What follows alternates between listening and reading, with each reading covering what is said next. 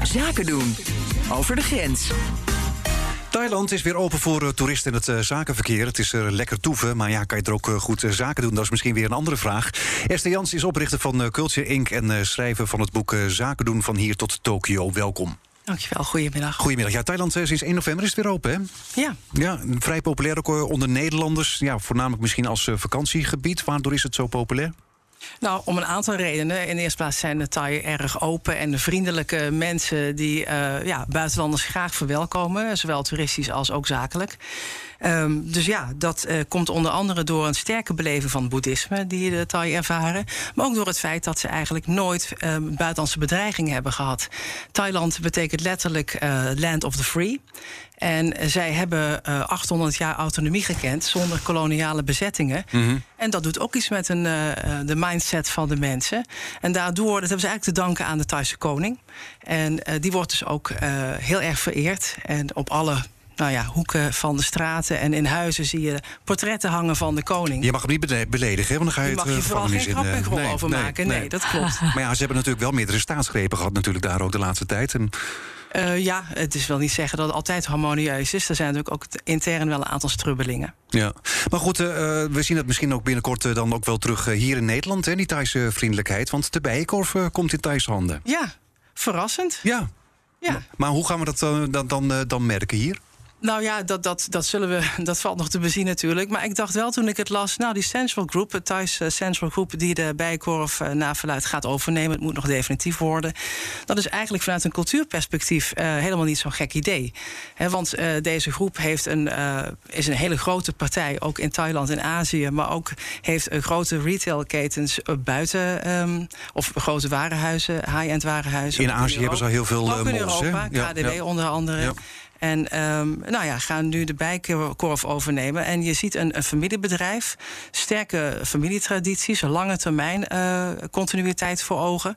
Dus ik denk eerlijk gezegd dat zij uh, nog wel uh, een goede investeerder zullen blijken, goede eigenaar voor de bijkorf. Want Thai zijn in het algemeen minder competitief ingesteld, minder performance-driven dan je bijvoorbeeld bij de Canadezen en de Britten zou zien. Ja. En veel meer gericht op um, ja, lange termijn continuïteit, opbouwen van een positie, van status.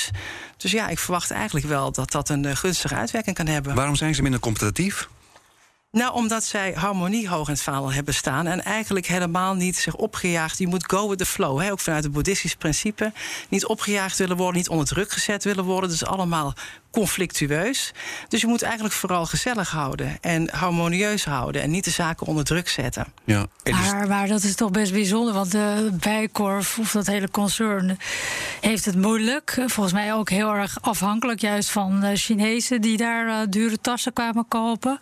Dus dat moet wel uit het slop getrokken worden. Als je, dat ga je toch niet redden met har harmonie? Nee, ik denk juist dat uh, deze groep, goed, ik kan niet voor hen spreken, maar ik verwacht dat zij juist gaan investeren in het opbouwen, in het behouden en ook opbouwen van uh, de brand Bijenkorf als high-end warenhuis. Want dat is ook uh, waarom zij in Europa deze warenhuizen kopen. Mm -hmm. Juist om te investeren daarin. En ook het verder uitbouwen van, van uh, het brand. Dus ik verwacht dat eigenlijk wel daar positieve gevolgen van. Ja, is, is, die, is de overname van de Bijenkorf dan ook onderdeel van die status die dan zo belangrijk is? Van zie ja. ons is een warenhuis in Amsterdam, wij hebben een warenhuis in Amsterdam.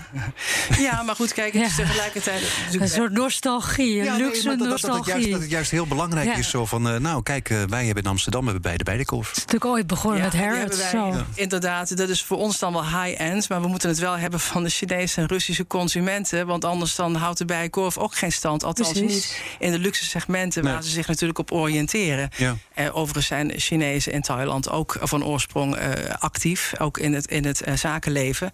Nee, dus ik denk zeker dat zij heel goed juist weten hoe ze die consumenten moeten bedienen. Nee, maar ik bedoel, om het juist te kopen, is dat ook onderdeel van de, van, van de ja. status van het bedrijf? Dat, dat ze juist daarom gaat bijken of zouden willen ja, hebben? ik denk dat dit het verder uitbouwen is van het bedrijf. Het is al een heel erg groot leidend bedrijf in Thailand.